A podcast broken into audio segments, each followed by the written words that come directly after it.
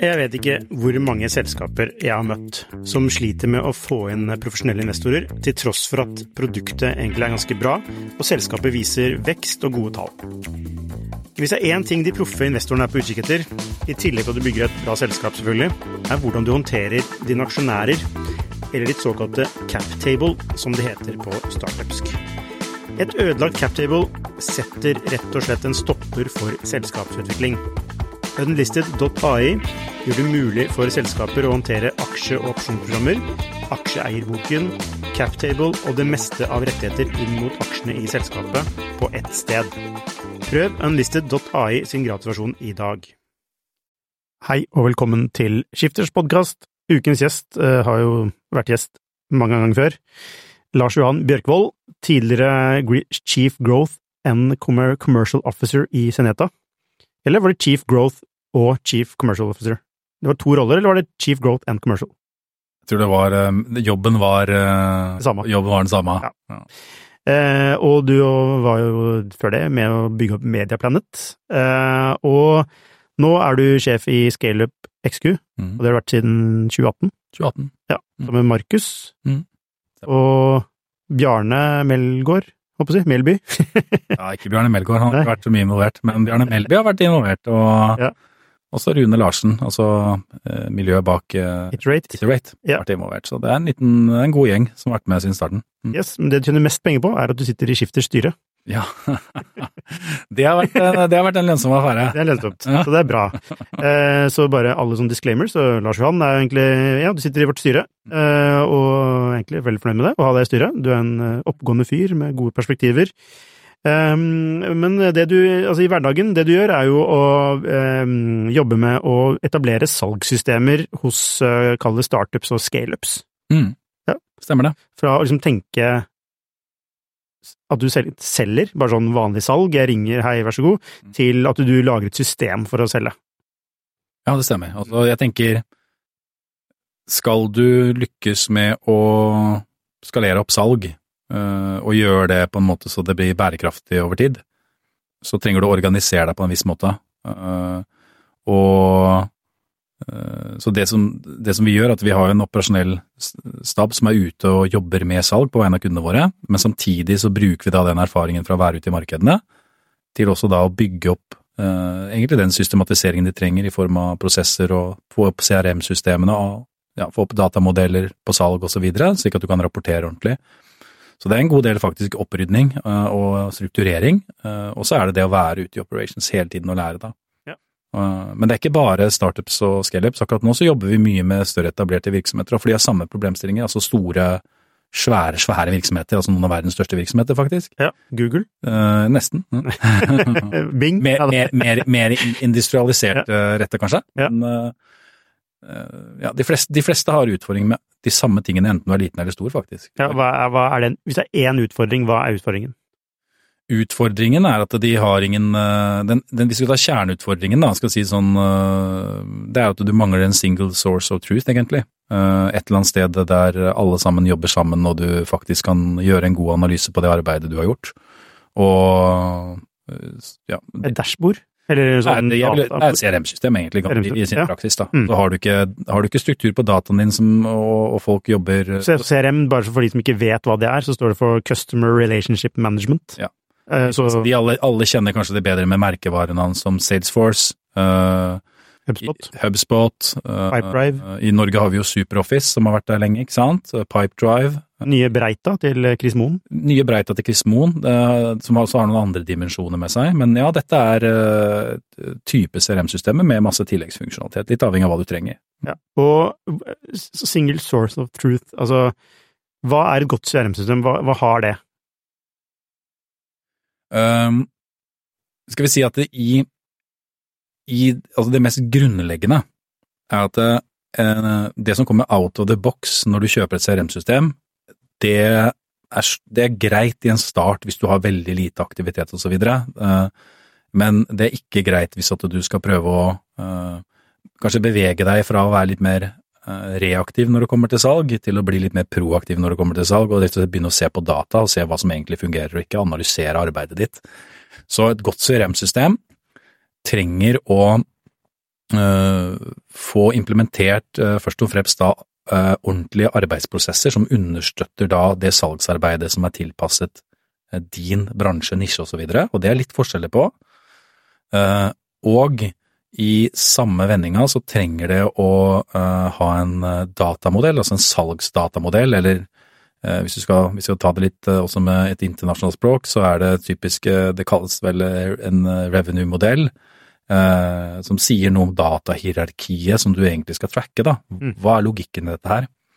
Og det er jo en grunn til at uh, Chief Revenue Officers er et, uh, en tittel som du ser oftere og oftere. Uh, og de har jo ofte ansvaret for å implementere disse modellene, i hvert fall til en viss grad, da, i, i et CRM-system.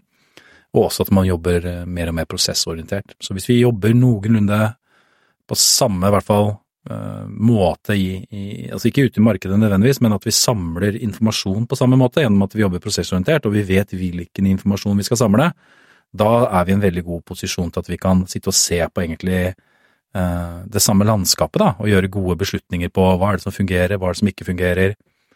Trenger vi egentlig tre salgsfolk til å gjøre dette, eller trenger vi egentlig tre salgsfolk til å gjøre dette? Mm. Uh, og det er nok en av de største utfordringene i dag, i dag at uh, Eh, har, vi har jo vært igjennom noen, noen år nå med, med, nesten ubegrenset med penger. Eh, bare bygg eh, og voks så fort du kan.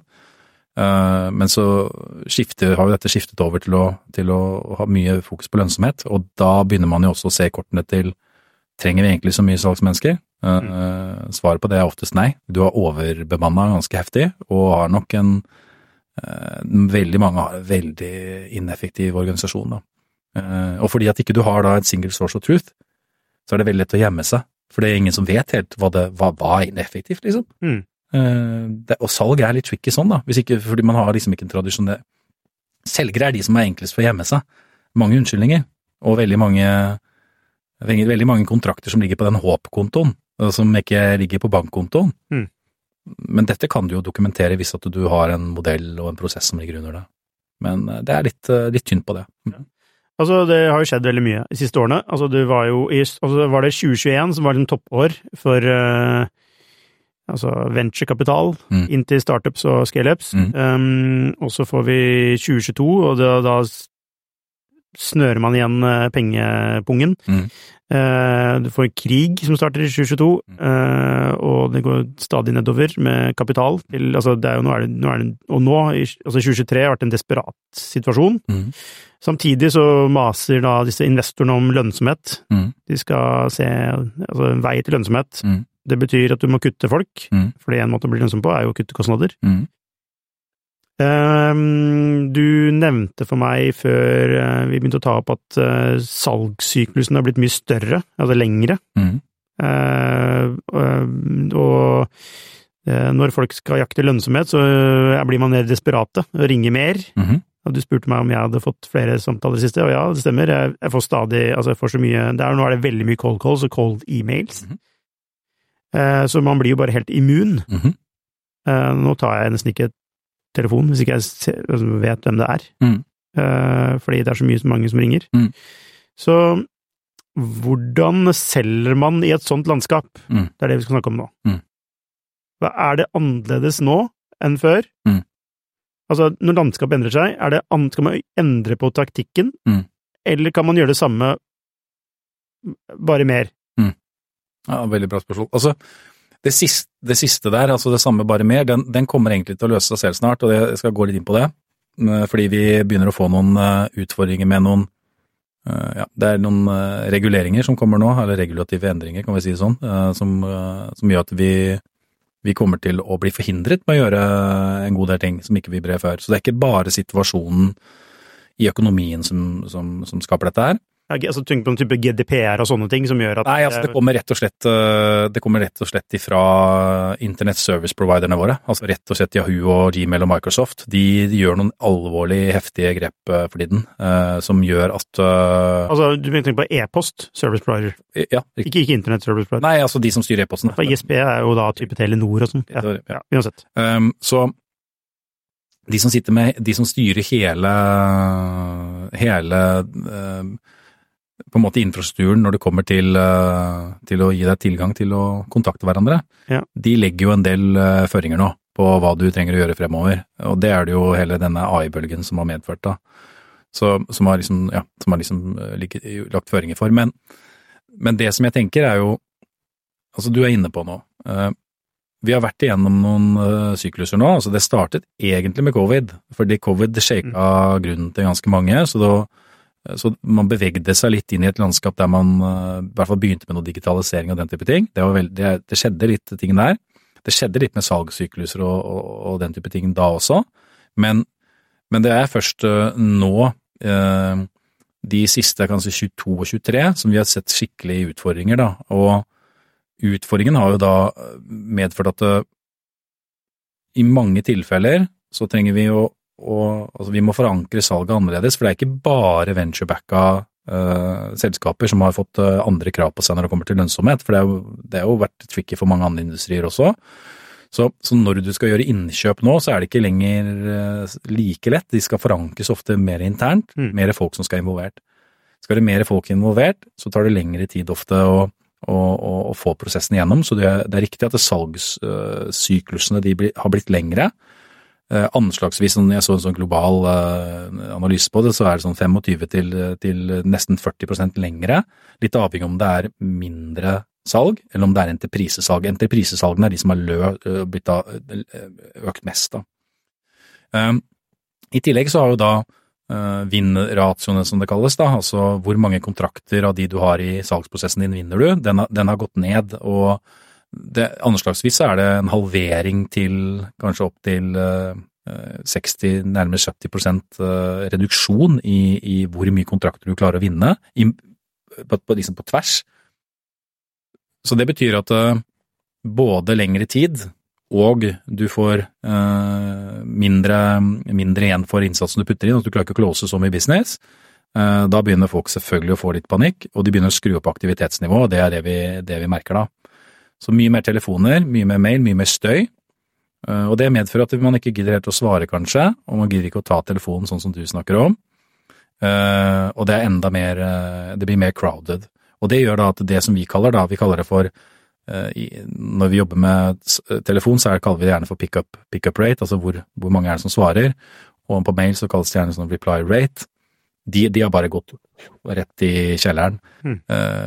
Nesten en halvering i Norge. og og så er det blitt sagd ned med to tredjedeler i Sverige, for eksempel, som vi har jobbet mye med de siste årene. Da, så du krever mye mer innsats. Hvor, altså de du kommer fra, hvor kommer disse tallene, de statistikkene fra? fra? I, I, Norge og Sverige, de kommer fra oss. Vi har jobbet med, i fjoråret, så jobb, Gjennom hele fjoråret så jobba vi med 65 selskap uh, som er i dette spacet hele tiden, mm. over, ganske, over, ganske, lang tid. Så vi samler jo data på alt dette.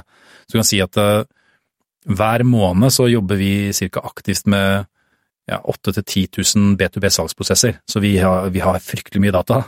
Så nå begynner vel å krype nærmere en million salgsprosesser, tror jeg, i da, databasen vår som vi har track på. Så vi sitter jo og følger med på dette her og benchmarker selv, da. Og, og så, altså er, det, og så er det internasjonale forum. Eh, det er, det er, et par forum i USA som følger tett med også som uh, europeisk. To, et par miljøer spesielt. Uh, uh, nederlandsk miljø, Winning by Design, som er ganske stort også internasjonalt. Veldig påskrudd. Jobber mye strategisk. Og så har du hele dette pavilion-miljøet som er i USA med, med type CRO og salgscommunity som er også veldig Og nå har de begynt å jobbe sammen også, så det er veldig spennende. De, de publiserer mye spennende. Det er mange andre også som gjør det, men Nordisk Data, det er det vi som sitter på. Men, men så er det den utfordringen du, du, du, peker på. Uh, du skal både sørge for at eh, du sikter mot lønnsomhet, så du har ikke kanskje råd til å ha så mange folk som du hadde før, og samtidig så må de menneskene du har, eh, jobbe mye mer effektivt, eh, fordi du må strekke over mer i arbeidshverdagen. Og så kommer også det perspektivet inn at det er ikke bare aktivitet, men du må også begynne med Altså, du kan ikke lenger bare kjøre mailkampanje. For det settes en stopper for nå. Altså hvis du sender ut mer enn så og så mange like mail, med lik header, som noenlunde har likt innhold, i løpet av en tids, et tidsvindu, eh, som veldig mange gjør, så blir du, så blir du rett og slett varsla. Ja, det blir ikke noen svarteliste også? Altså av disse Helt svartelista. Av disse Yahoo og Google og alle disse? Mm. Jo, men også vi, hvis du blir svartelista, eh, og dette er jo en av de største utfordringene, så er det sånn at eh, før så kunne du bare sende litt sånn melding om å bli av, avlista igjen og sånne ting. Men det kommer de til også å strupe igjen, så de kommer til å sørge for, og dette er i hvert fall det de har varslet, da. Blir du svartlista nå, så, så er det ikke sånn at du kan bare skru på igjen dagen etterpå. Det kommer til å ta kanskje aldri, Mm. eller at uh, du bruker måneder og år. Og da betyr det egentlig at mailen din ikke når fram til noen, og har du da en business, da, så er jo det ganske kritisk. Mm. Så svaret på det er jo Det er mange, det er mange måter å, å, å jobbe med det på. altså en måte å jobbe med det på er å gå enda mer over til telefonisk kontakt, hvilket skjer. Da blir det enda mer støy, og da betyr det at du må bruke enda mer innsats for å få tak i det du skal ha mest trolig, eller jobbe mer taktisk også. Og når det kommer til mails, så er det, og dette er jo vært en trend de siste årene uansett, men enda viktigere nå, du må jobbe mye mer med personlig og personifiserte mail. Og jobber du med personlig, altså mer personifiserte mailer som treffer bedre, så får du veldig mye mer svar, og det har vi også masse dokumentasjon. Altså, er, det, det irriterer meg med sånn personlig, for det er sånn, nå har de sånn Hei, Lucas, Lucas, Lucas, sånn i, i tittelen, og Ja. veldig sånn på meg. Ja, Jeg men har da, aldri møtt dem. Eh, da, jeg, jeg, jeg, jeg snakker ikke om det, jeg snakker ikke om, snakker ikke om den type personlig. Jeg snakker om personifisert ut ifra at du er i en business-to-business-situasjon, så det vil si at det budskapet i mailen, Ja. den er faktisk noen som har lagt tid i for å prøve å forstå hvilken situasjon du er i, og så kommer de med et verdiforslag som er mer sånn tilpassa du, øh, kan det være at du har den og den type problemstillingen? Mm. Hvis så, kanskje vi kan snakke, for det kan vi ha en løsning. Det er ikke bare sånn generisk mailing. Men den der personligheten du snakker om, det der Hei Lucas-greiene, det er ikke den jeg mener. Det er sånn amerikanske greier, ikke sant. Ja, men det, det får det fra mange norske selskaper. Ja, men da har de lest en amerikansk playbook, og det Ja, får de bare glemme. og de har liksom, de har alle sånne typiske sånn triks, akkurat som sånn putte sånn derre RE-kolon i tittelen, så det ser ut som det er et svar på noe jeg har, skjønner du? Altså bare sånn, Yes. ah, Det er eh, de triksene der. eh, de ble etablert med, med bølgen av uh, salgsautomatisering, som, som egentlig startet ordentlig for fullt i ja, si 2014-15, og var Yesterday's News i 2016. Uh, de som henger seg på den bølgen nå, de bygger motorer basert på gamle måter å gjøre ting på. Du kan ikke gjøre sånn lenger. Men tenker du når du sier personlig, er det sånn at du, det er ikke en AI som har skrevet det, men du, skri, du bruker faktisk tid på å crafte den beskjeden til den eh, personen du skal sende til? Ja, og, person, og, og, og hele egentlig kommunikasjonsstrengen, da. For det er jo det du gjør. Du kan fortsatt bruke de samme verktøyene, der du sender oppfølgingsmail og hjelper til med det, Ja. men, men, du må, men du må treffe mye bedre med en gang. Mye bedre. Men du, jeg hadde hun Marit i Strice i, her for en uke siden. Jeg, ikke, jeg vet ikke om det blir publisert for denne episoden eller ikke, eh, men hun snakker i hvert fall om altså De har jo sånn podkast og kjører sånn medie Altså, de Mhm. kaller det eh, demand gen. Yes. Altså ikke lead gen, men demand gen. Mm. Altså, hvordan er det derre Hvordan balanserer du den derre utgående kaldt salg mm. versus det å bygge egentlig en magnet som tid, altså hvor teorien er at du skal bygge, altså folk tar kontakt med deg når de er i modus for å kjøpe. Ja, du gjør det begge deler samtidig. Ja. Mm. Du, du må ha den mindsetet med deg fra starten av. Og det, det har jo vi også, så vi bygger jo, vi hjelper jo også selskapet med å bygge opp den langsiktige maskinen der du vekter dette annerledes. Så du kan si at egentlig så er det jo Vi kaller det jo salg fordi at det er salgsutløsende, men hele den siden med uh, demand gen, lead gen som det kalles, da, som ofte er mer utgående salg, demand gen er ofte mer i, altså du bygger marketingmotorer og mer pull-mekanismer. Uh, til det å drive med salgsprosesser, til det å jobbe med customer success. Dette er jo en sånn 360-greie. Ja, det er ikke enten eller, det er en, det er en del av et, uh, et system. Ja, det, mm. det er del av systemet, og dette er et veldig viktig system, så det er jo det som er en del av kanskje uh, revenue-modellen din, da. Mm. Og så har du salgsmodellen, marketingmodellen og customer success-modellen som har hver sin spesialitet på det. Men hvis ikke dette henger sammen, så får du utfordringer fremover. Og det, det er helt klart det at uh, de som lykkes best med salg, de rigger utgående salg mye mer likt som et demand gen. Du ringer ikke og pitcher, du ringer for å avdekke om, eller du sender ikke mail for å pitche heller, du sender, mail for å se om det, er- det Du avdekker interesse, egentlig. Mm. Og, um, og eh, så gjør, og så er det tilbake igjen til, og så samler du data og mapper kunder, og så bruker du den dataen og mappingen til å bygge demand gen-mekanismer i parallell. Så de som gjør det og klarer å kombinere det, de får det til selvfølgelig vel, altså de får veldig god vekst. Eh, men da er det tilbake igjen til single source of truth, da. Hva hvis ikke du har samla den dataen i for salg, da? Hva hvis du ikke har disse uh, oversiktene over hvilke segmenter var det som var interessert, ikke interessert? Eh, hva hvis ikke du har uh, kontaktpersoner, beslutningstakere, hva er det folk sier om produktet ditt, videre? Da har du gått glipp av en hel dimensjon da, eh, av verdi som du kunne bygget marketing rundt. da.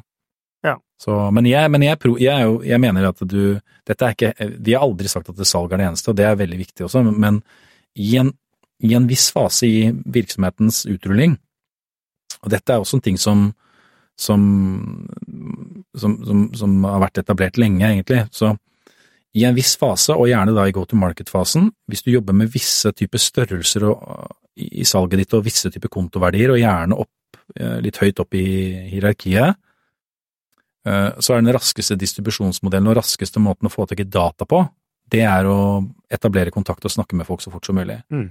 Og eh, om det er via telefon, om det er via mail, eller om det er ved å gå på eh, messer eller expoer, spiller ingen rolle, du må snakke med dem for å få ordentlig informasjon. Du kan ikke bare spray and pray, du må prøve å gå litt smalere i verks fra starten av. da. Mm. Eh, Men så bygge demand gen eh, rundt det eh, samtidig. Krever mer investering. Resultatene kommer seinere, men når de først kommer, så kommer de enda mer enn med salg. Ja. Og, men de aller fleste er dessverre døde før de har kommet dit, eh, og det er jo det som er litt dumt, fordi da har ikke de klart å bevise noe salg fort nok. Og da får du ikke med investorpenger heller, og da fikk du ikke noe demand-maskin heller. Men uansett, da. Vi er tilbake til altså Vi snakket om personalisering, eller pers, altså, ja, personalisering av budskapet. Mhm. eh, og at det er, det er blitt mye mer, så altså, det er blitt mye mer kald, eh, kald kontakt. Ja. Eh, fordi man er jo desperat. Man må jo ha lønnsomhet. Mm. Man må jo selge produktet. Mm. Eh, så det er det alle gjør. Mm. Men hvis alle Er det ikke alltid smart å gjøre det ikke alle gjør? altså hvis alle sender en e-post, hvis Mm. alle ringer, Mm. er det ikke smart å komme inn til kunden på en annen måte da? Jo, men selvfølgelig det. Det er jo det, altså det er alle midler til å komme ut til kunder eh, er jo det, det kommer til å bli altså det, det, det har alltid vært sånn. Det handler egentlig om å finne ut hvilken kanaler er det som fungerer. Ja. Det er jo, det er jo det er superviktig, å teste de kanalene. Men så er det så slik at eh, vi kan si at hensikten først og fremst, da, den er å få kontakt med noen du kan faktisk få en konversasjon med. Mm. Du trenger den konversasjonen for å få avdekket ikke bare en salgsdimensjon, men også andre dimensjoner og feedback på produktet ditt og en med andre. Ja. Eh, Det å tenke at salg bare er e-post og telefon, det er jo å begrense salget veldig, da. Mm. Og det å være taktisk når det kommer til det å finne nye virkemidler, eh, kjempeviktig. Også til og med nye virkemidler når det kommer til hvordan er du faktisk du eh, Hvis du jobber med mail, da, Ja. hvordan er det faktisk du lykker godt med mail? Og der ser vi store, for, store forskjeller hos, eh, hos oss og sånn. Og hva er det du gjør med en mail som gjør den attraktiv? Hvordan skriver den? Hvordan lingo bruker du? Kan du gjøre noe som gjør at eh, folk syns det enten er både interessant og morsomt og underholdende? Er det mulig? Hvordan ser en, sånn mail ut da? Vi har, vi har jobbet mye internasjonalt det siste for et par kunder. Um, eh, altså, uh, det vil si solgt inn mot Tyskland, uh, UK og så videre, og ganske store manufacturing-bedrifter høyt oppe i hierarkiet. Eh, bruker da eh, Faktisk bruker alt fra veldig korte, konsise mailer med noen, litt noen humoristiske setninger, til eh, vet vi har testet og Vi AB-tester mye, da testet og legget inn noen giffer og sånne ting også, og du skal være, det, det, det er helt overraskende hvor mye eh, positiv feedback vi får, eh, og eh, kule svar fra CFO-er som svarer sånn ha-ha-ha, dette er det kuleste jeg har fått på lenge, ja, vi tar et møte, bla, bla, bla, liksom. Mm. Eh, Rett og slett for at de har vært litt boldsy, eh, og åpna opp og vært litt løsere i kommunikasjonen sin, da. Så det kan være en eh, korte setninger og noen som legger med en liten gif, altså noe så enkelt som det, da. Ja, altså, men dere jobber da, eller dere jobber primært gjennom eh, altså telefon, e-post. Er det, de, er det primærmåten man tar kontakt på, hvis man skal begynne å selge? Ja, eh, og sosiale medier. Sosiale medier. Og eh, litt vari det varierer veldig på industri, ikke sant. Så du kan si at eh, eh, alle steder der du har muligheten til å nå en beslutningstaker som er enkelt tilgjengelig og digitalt, først og fremst. Ja. Men vi er også ute på tradeshows og sånne ting, men, for, for du må legge til det òg. Men eh, jeg vil jo si at eh, business to business så er det jo eh, ofte e-post, eh, telefon, LinkedIn. Og i visse industrier eh, også SMS, faktisk. Eh, og, og egentlig Der er vel ikke begrensningen nå. Ja. Mm. Ok, men tilbake til spørsmålet. Mm. Er det, hva er den nye strategien når eh, altså disse kanalene blir metta, Mm. på en måte, eller hvor de blir De blir spamma igjen, de blir, de blir liksom spamma i hjel. Ja, så det som, kommer- men det som, til, det som kommer til å skje, er at eh, Jeg vet ikke hvor mange selskaper jeg har møtt som sliter med å få inn profesjonelle investorer, til tross for at produktet egentlig er ganske bra, og selskapet viser vekst og gode tall. Hvis det er én ting de proffe investorene er på utkikk etter, i tillegg til at du bygger et bra selskap selvfølgelig, er hvordan du håndterer dine aksjonærer, eller ditt såkalte cap table, som det heter på startupsk. Et ødelagt cap table setter rett og slett en stopper for selskapsutvikling. Unlisted.ai gjør det mulig for selskaper å håndtere aksje- og opsjonsprogrammer, aksjeeierboken, captable og det meste av rettigheter inn mot aksjene i selskapet på ett sted. Prøv unlisted.ai sin gratisversjon i dag. Uh, og det, altså de, de som er gene, ge- generiske, uinteressante e-poster, det kommer til å bli ryddet opp i e-postkassa di. Ja. Så faktisk for å få sjans til å komme gjennom, så er, så er svar nummer én er personifisering. Altså, rett, altså da snakker jeg ikke om å gjøre det personlig, men og tailor-made, da. Kall det relevans, da. Relevans. Ja, gjør det. Ok, så steg én, du må være relevant. Du må være relevant, og du må snakke, snakke med relevans imot de personene som du faktisk skal prøve å henvende deg til, Mm. gjøre deg interessant fortere. Uh, og um, Så det, det er en ting. Uh, og så er det um, på, på telefonsiden så er det helt klart det at eh, det å Cold calling, den, den dør ikke. Det betyr Det, det tar tid, liksom. Da, I noen land er det allerede umulig, men i Sverige og Norge så er det fortsatt ganske så mulig, i hvert fall en stund til. Eh, Det handler definitivt om å fortsette med å jobbe med volum, men eh, så handler det om uh, direktenumre uh, og litt andre Prøve direktenummer, selvfølgelig, og så er det litt andre taktikker for å komme seg via via. Når du sier direktenummer, så er det liksom direkte rett til den kjøpepersonen, Riktig. ikke via et sentralbord, liksom. Riktig. Og det, det er en gammel strategi, så det er ikke noe nytt, det, men vi ser at det fortsatt fungerer godt. Uh, og så er det også noe med da å uh, ring, proxy-ringing, for å si det sånn. da. Vi, du ringer egentlig ikke til den personen du skal ringe til, men du prøver litt rundt i organisasjonen for å komme deg forward til den du skal ringe til. Ja. Funker ganske godt. Ja, for da kan du si du, jeg snakket med X i, og han anbefalte meg å snakke med deg. Det kan du også gjøre, men det er ikke bare det, men det handler egentlig om å, å komme seg inn også. Så, så, det, så det du snakker om der, handler litt om hvilken approach du tar i forhold til å forankre tinget høyt oppe først. Mm. At du blir sparka nedover. Det er mye bedre enn å gå inn nede og prøve å bli sparka oppover. Ja. Men, men jeg må si det fortsatt, da. Selv om, selv om du opplever mye telefonisk eh, kontakt, eh, og, og det har økt, for det er riktig, det blir mer støy, og det gjør at uh, svarratene går ned, så er det fortsatt sånn at eh, det å, det, telefon fungerer veldig, veldig godt, Ja. eh, men du må bare jobbe, du må jobbe mer. Mm. Så det krever mye mer innsats. Ok, bare jobbe mer. Ja, på en måte på telefon, så ja. Du må jobbe mer, du må være mer relevant, eh, og du må jobbe mer systematisk. Og for, du kan si det også sånn, da, hvis at, hvis at du skal jobbe mer Det også det å gjøre deg mer relevant da, på mail, det betyr jo også det at eh, du må jobbe mer. Ja. Eh, fordi det er lett å skrive én mail, og så kopiere den til alle, og så lage noen sånne kodefelt, og så bare sender du ut til alle sammen. Ja. Det, det er det slutt på. Så du må forberede mer. Du må gjøre mye mer research. Ja, research, det er der, det er der du må jobbe mer. Mye mer på prospekteringsarbeid, men så må du også faktisk Ringe flere folk. ringe flere folk, men du må også jobbe mye mer med craftingen av messagingen din. Mm. Men da kommer jo da sånne ting som AI for eksempel inn, da. Ikke sant? At uh, du kan få mye hjelp uh, ved å kombinere informasjonskilder til å faktisk skrive fryktelig, fryktelig gode mailer som er ekstremt relevante. Helt ned på personnivå, egentlig. Eh, men skal du få til det, så må du ha orden på CRM-en og dataen din, for ellers så får du litt spagetti tilbake. Ja, Det er også sånn at eh, innkjøpsrutinene har jo endret seg, nevnte du. Nei, ja, innkjøpsrutinene har ikke nødvendigvis endret seg, men hvor mange som er eh, involvert i innkjøpet. Ja. Eh, Så ja, du kan jo kanskje si at det er rutinen, da. Hva betyr det, hva betyr det? Hvis du skal selge til noen, og så er det, hva, hva betyr det konkret? Det betyr at beslutningene skal forankre Eller mange ganger, det er jo ikke alltid det skjer, men, men beslutningene Det er mange flere som skal være med i budsjettbeslutningene, egentlig. Så når man først eh, skal snakke med noen, så er det ikke lenger Jeg så et tall den dagen som, som eh, igjen var fra dette amerikanske miljøet, som sa at i i 2021, 2022 så var det sånn gjennomsnittlig entreprisesalg, så måtte du ha med deg eh, fem og en halv til seks eh, på gjennomsnitt av beslutningstakere. Mm. I, gjennom 2023 så har det økt til ti. Mm. Eh, Det vil si at du må forankre det gjennom flere ledd, eh, for flere skal skrive under på sjekken at dette er godkjent, slik at alle står inne for det. Mm. Ja. Og hva betyr det for salget da? Det betyr at det, tar, det, det krever mer Det krever mer at du mye mer manager prosessen. Det krever mye sterkere kan vi si, en planlegging på kontoen din og mye sterkere styring. da. Altså Du må følge opp tettere. Det er ditt ansvar som selger at du får alle disse menneskene i ett og samme type beslutningsrom. Ja. Og det betyr at du må jobbe mye mer prosessorientert. Ja. Og det tar lengre tid. Mm. Men du, altså eh, Altså, man må jobbe mer. man må Ja. jobbe mer komplisert. Ja.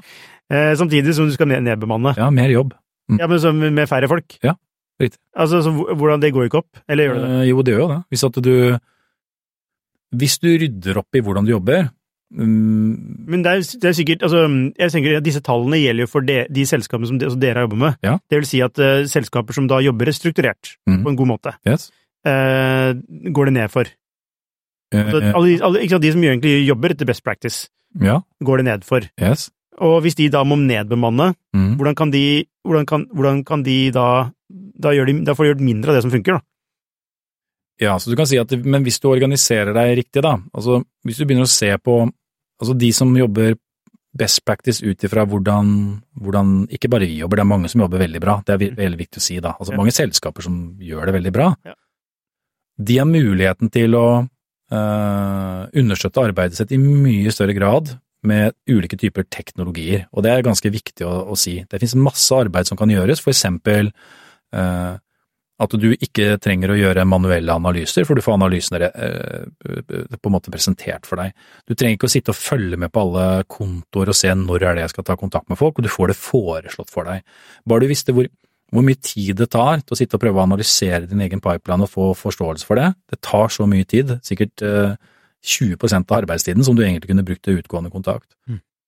Det å ha, det å få hjelp og støttesystemer til å skrive e-poster, eksempel, slik at de blir mye mer relevante, slik at du ikke trenger å bruke tid til å skrive én og én og én e-post. De verktøyene finnes, og de kan du utilize, og det kommer til å spare deg for halvparten av arbeidstiden din. Så du kan redusere fryktelig mye når det kommer til Altså effektivisere veldig mye da, Eh, men da må du først ha etablert best practices. Så du kan egentlig si at best practices i forhold til å jobbe ut i markedet, det gir deg et effektivitetsgain bare rent organisatorisk altså hvordan du organiserer jobben din. Og så kan du legge på effektivitetsgain gjennom å ta i bruk teknologi som hjelper deg å gjøre dette enda mer smidig. Og Så da mener du, hvis jeg forstår det riktig, så mener du at eh, det tapet i salg, mm, det kan, eh, og ikke minst tapet i bemanning, det må fylles opp igjen med hjelp av teknologiske verktøy. det, må, det må fylles opp igjen med effektivitetsgains. Ja. Mm, og da er teknologiske verktøy én del av det. Men bare det å legge, eh, eh, altså få på plass ordentlige arbeidsprosesser og begynne å samle data i et CRM-system og begynne å jobbe bra rundt det, det, det kan løfte organisasjonen din med ja, to, to, tre, kanskje firegangeren. da.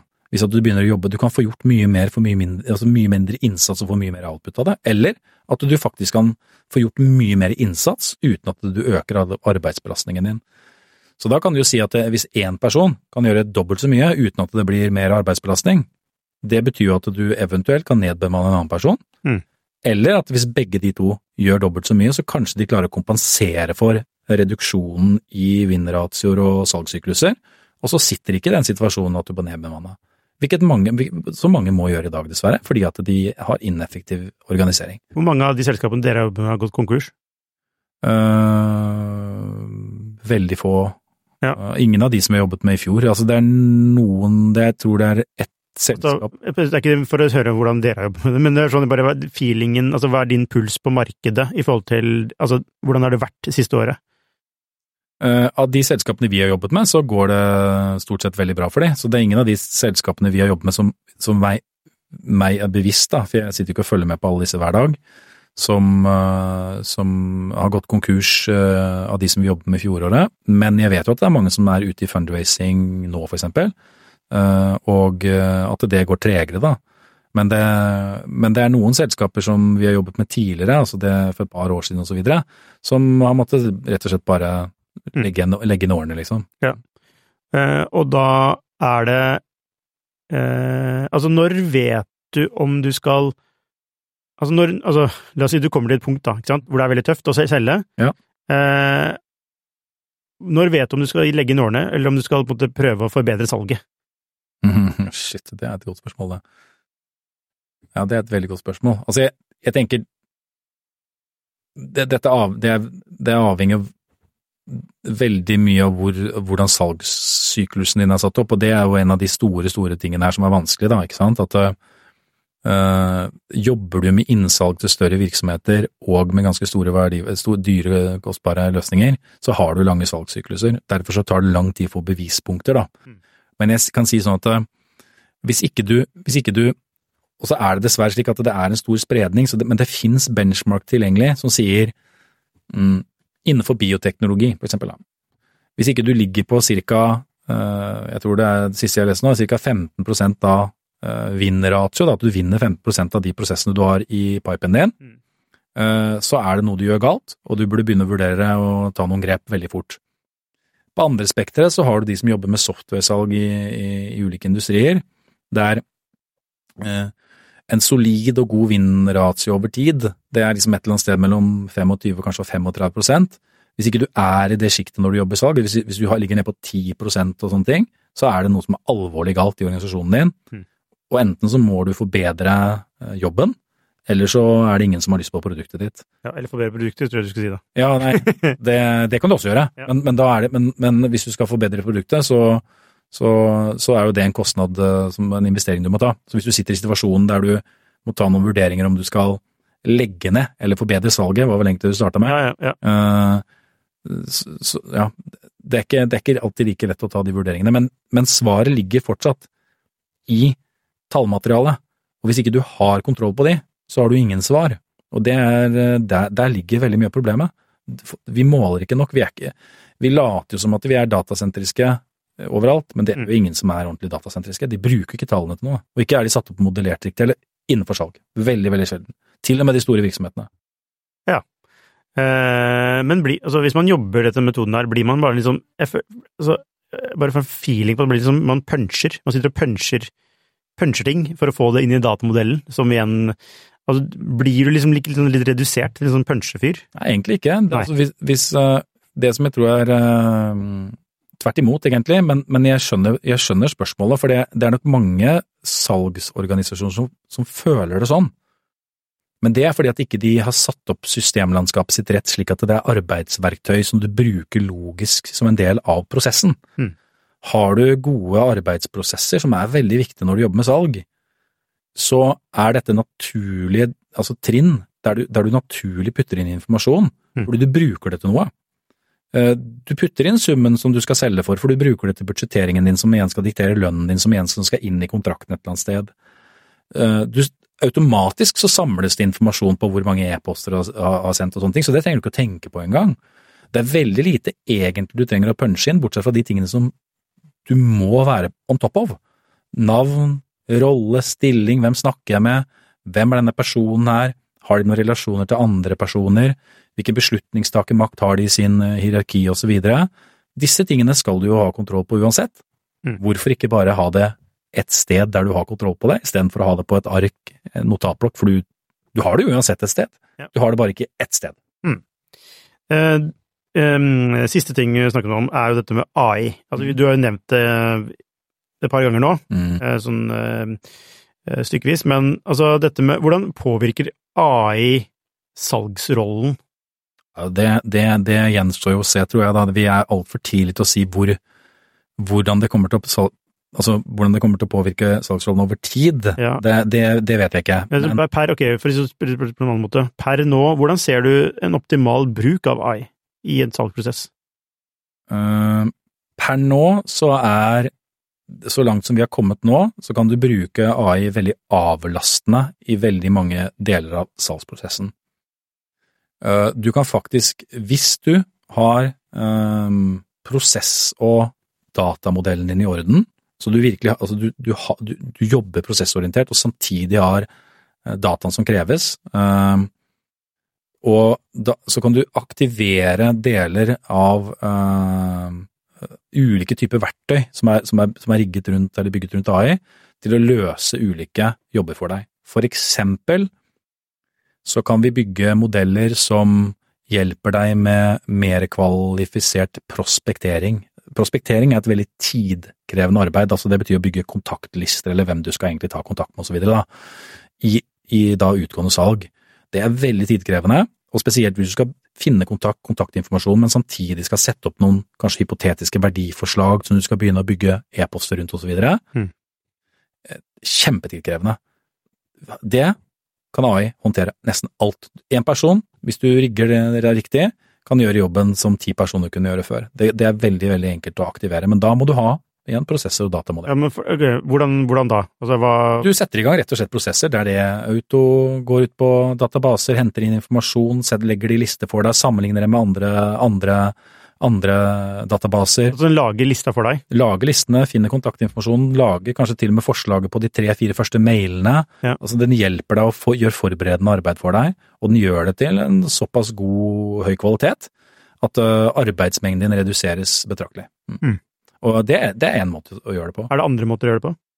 Um, ja, det er det absolutt. Altså, det er mange modeller på det. Altså, hvis du ser på noen av de verktøyene som finnes, det finnes plattformer der ute som har jobbet med andre verdiforslag tidligere, blant annet uh, si, monitorering av telefonsamtaler og gi deg feedback loops på hva du kan forbedre i samtalen din og, og så videre, altså rett og slett coachningsverktøy.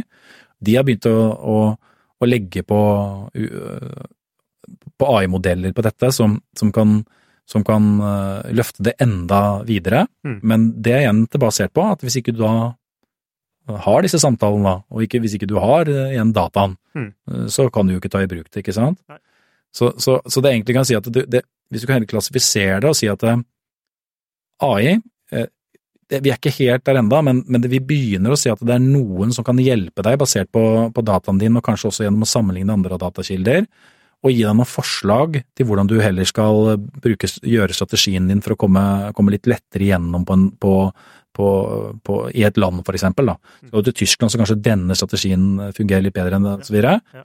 Eh, det finnes eh, AI som hjelper deg mye mer på det taktiske, mm. det vil si hjelper deg å se på verdiforslagene opp imot uh, hvilken type personligheter du skal snakke med, opp imot hvilket verdiforslag, altså hvilken verdiforslag du har i, i, produktet ditt, og altså bridge det slik at du kan begynne å tailor-made, lage eh, skreddersøm, altså verdiforslag. Eh, det fins som driver og proaktivt det finnes noe som proaktivt prospekterer for deg, bygger egentlig kontaktloopene dine for deg, nesten at du ikke trenger å være der, men igjen er det basert på inputen de får. Ja. Hvilke, altså, av de, du nevnte mange verktøy, men hvilke verktøy er det dere bruker, på en måte, som dere, som dere vil anbefale? Nei, vi, vi, vi Akkurat for øyeblikket, så det, jeg syns ikke det, det Akkurat for øyeblikket så bygger vi våre egne, og dette er, også, dette er også kanskje det som er viktig, da. Disse verktøyene, det er to deler av de som, som, som påvirker. Du kan kjøpe out of the box-verktøy, men de, de aller fleste av de, de er ganske dyre. Fordi det er systemer som er litt eldre, som har tatt dette aspektet på toppen. Du får nesten ingen verdi av det hvis ikke du har orden på prosessen og dataen din. Så de aller færreste, de får ganske lite de aller fleste, mener jeg, de får ganske lite verdi. Du må ha noe input som dere kan ja. lage noe på. Riktig, og det, den, den, den, inputen, den er det ikke så mange som har ordentlig på plass. Nei. Mm. Men skal du da begynne å lage det selv, da, så det som, det som, ofte, det som er utfordringen, er at det, det er mange som likte å leke med dette her. Men eh, det er litt sånn som å gå og gjøre gode Google-søk. Du får ikke bedre søkeresultater enn det du spør etter. Så, så, en av utfordringene i dag er jo det at eh, du må lære deg å lage gode spørringer, da. Og dette er jo kjempeproblematisk gjennom Alle tenker at de skal ta i bruk eh, og bygge AI og det ene med altså bygge verktøy rundt eller bygge egne modeller. Og så har de egentlig ingen i virksomheten sin som vet hvordan du skal spørre de gode spørsmålene slik at du får de gode svarene, og da får du jo dårlige svar. Så så det vi har investert i, er jo én, uh, uh, uh, bygge datamodeller som er solide, og det er jo noe som er viktigere og viktigere nå. og sørge for at vi får implementert og integrert det i CRM-systemene, og at vi begynner å se på hvordan er det vi kan rett og slett sørge for at vi gjør gjør bedre spørringer, egentlig. Slik at vi, og det er en skillset som kommer til å komme som et eget yrke etter hvert også.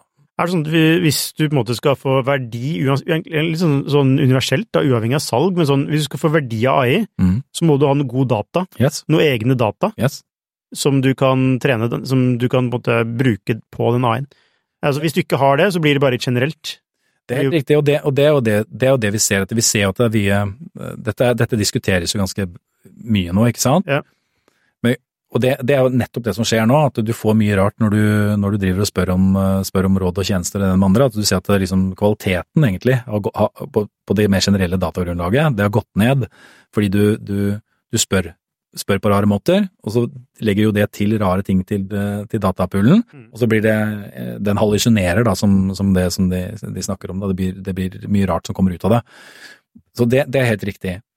Men, men det som da er litt kult, er jo det at eh, vi har jo gjennom de siste ti- tiårene, liksom, eller i hvert fall siste tiåret, snakket om eh, verdien og, og, av data. At data er gull. Ja. Det er sant. Men, men det ligger jo veldig mye proprietær data nå inne i virksomhetene rundt omkring, som de har bygget seg opp over tid.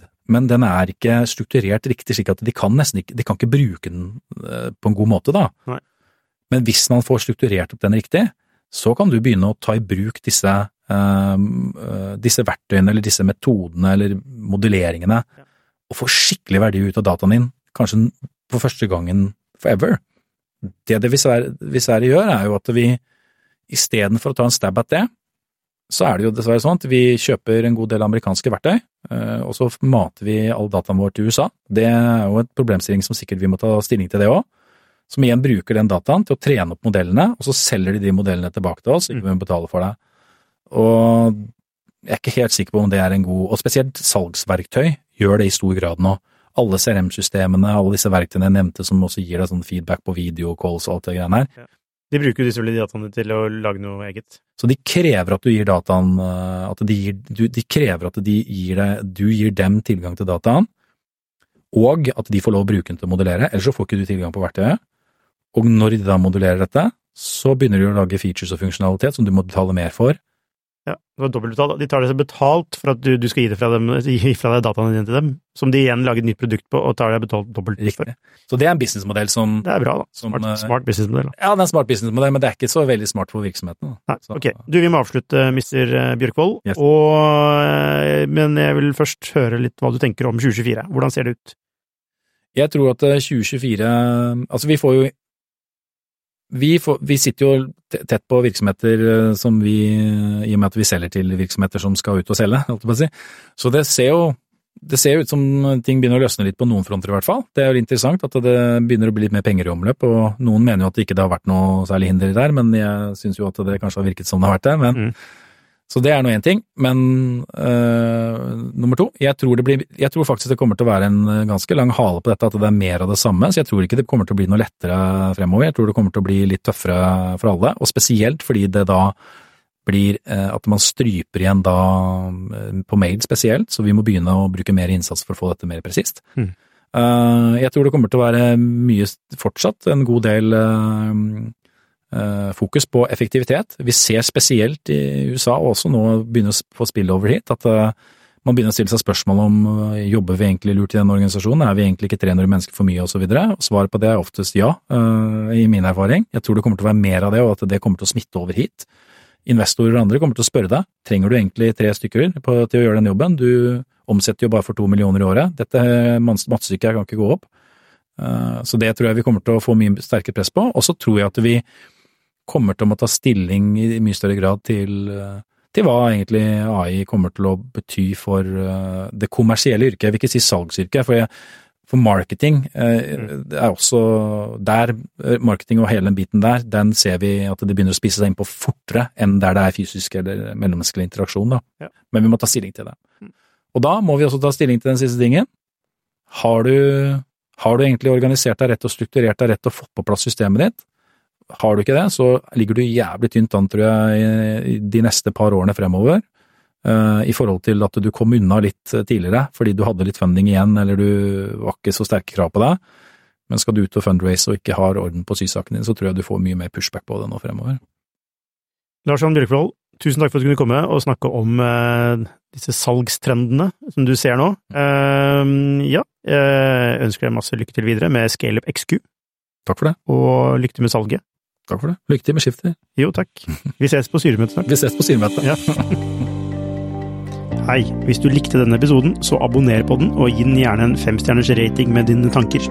Hvis du er interessert i temaene vi tar opp på denne podkasten, så anbefaler jeg deg å gå inn på skifter.no, og hvis du mener vi fortjener det, så kan du gjerne støtte oss ved å abonnere på Skifter. Takk for at du hørte på, så ses vi neste uke.